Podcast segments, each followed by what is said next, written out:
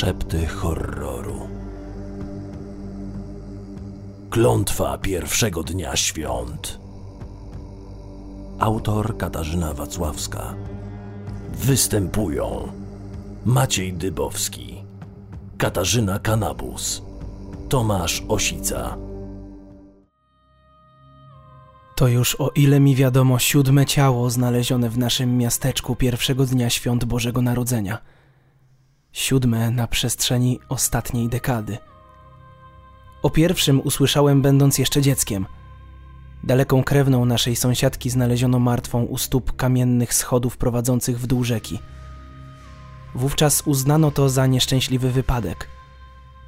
Dokładnie rok później mężczyzna w średnim wieku zatruł się gazem, który przez całą noc ulatniał się z nieszczelnej butli. Ponownie uznano to za zbieg okoliczności. Dopiero kiedy w następne święta brat owego mężczyzny zginął, gdy jego auto wpadło w poślizg i wjechało prosto w drzewo, zaczęto mówić o klątwie. Były to jednak głosy ciche i starannie tłumione przez tych, którzy, jak to się mówi, myślą trzeźwo. W ich życiu nie ma miejsca na klątwy, czary, uroki.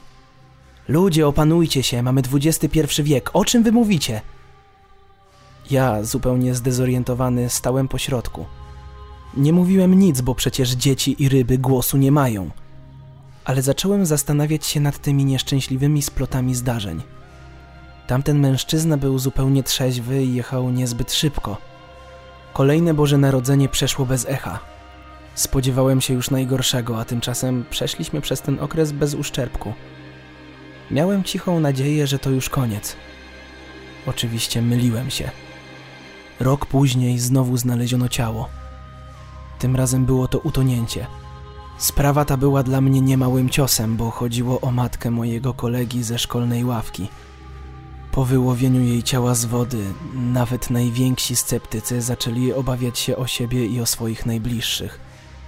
Z tego powodu w czasie kolejnych świąt mieszkańcy, mimo zapewnień lokalnej policji, że wszyscy jesteśmy bezpieczni, pozostali we własnych domach. Jednak nawet to nie było wystarczającym posunięciem, aby zapobiec tragedii. Piąty popełnił samobójstwo. Rodzina do tej pory nie może się otrząsnąć. To był młody chłopak, w pełni zdrowy człowiek. Miał wszystko: wielki dom, świetną pracę, nowoczesne auto i piękną narzeczoną. Podobno wiosną miał być ślub. Policjanci znowu rozłożyli ręce. Nie było żadnych śladów wskazujących na udział osób trzecich. Nie byłem w stanie przejść nad tym do porządku. To właśnie wtedy postanowiłem rozpocząć śledztwo na własną rękę. Musiałem jak najwięcej dowiedzieć się o tej piątce i ustalić, co ich łączyło. Chociaż niektórzy mieli mnie za wariata, nie ustępowałem. Muszę przyznać, że niekiedy posuwałem się do okropnych rzeczy. Wszystko, aby jakoś powiązać te sprawy. Trzeba to zatrzymać, myślałem, mocując zdjęcie wisielca do korkowej tablicy nad moim biurkiem. Łudziłem się, że jestem w stanie cokolwiek zrobić, podczas gdy wtedy jeszcze traktowano mnie jak smarkacza. Nikt, za wyjątkiem szkolnego kolegi, nie chciał wprost rozmawiać o tym, co się zdarzyło. Radziłem sobie inaczej. Grzebałem w mediach społecznościowych, pisałem do rodzin i znajomych, podając się za dziennikarza lub pisarza. Koniec końców niewiele minąłem się z prawdą.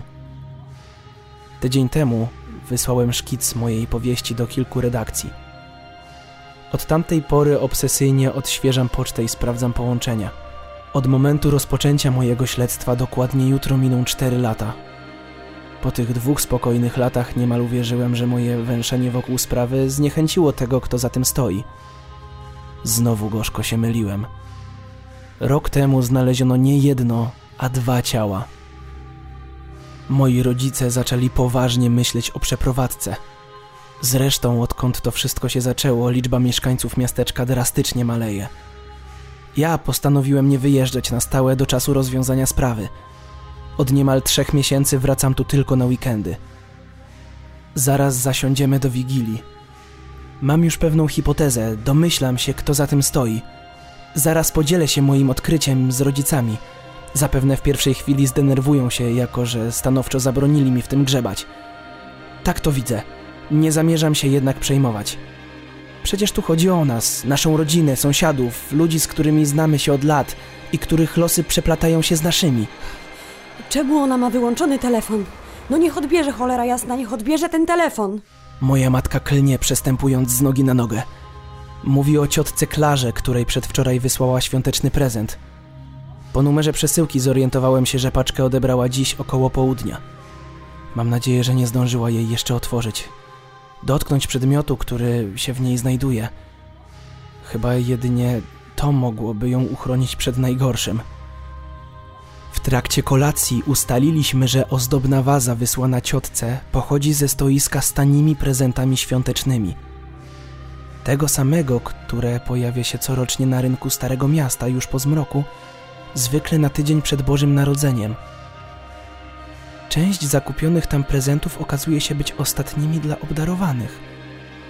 Jeszcze nie do końca to rozpracowałem, ale wydaje mi się, że pecha przynoszą one wówczas, gdy obdarowujący darzy obdarowaną osobę nie do końca pozytywnymi uczuciami. W przypadku matki i ciotki Klary trudno mówić o siostrzanej miłości. Ich stosunki są raczej chłodne. Dzwonią do siebie tylko dwa, trzy razy w roku. Wreszcie, kilka minut po północy, matce udaje się nawiązać połączenie z numerem należącym do ciotki. H- Halo, Klara, jesteś cała? Dzień dobry.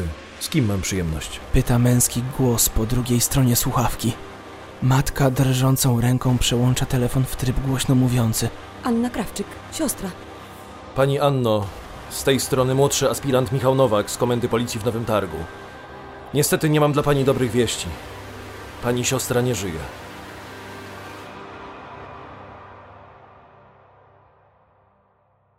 Zasubskrybuj szepty horroru, aby nie przegapić żadnej strasznej historii. Czytał Tomasz Osica.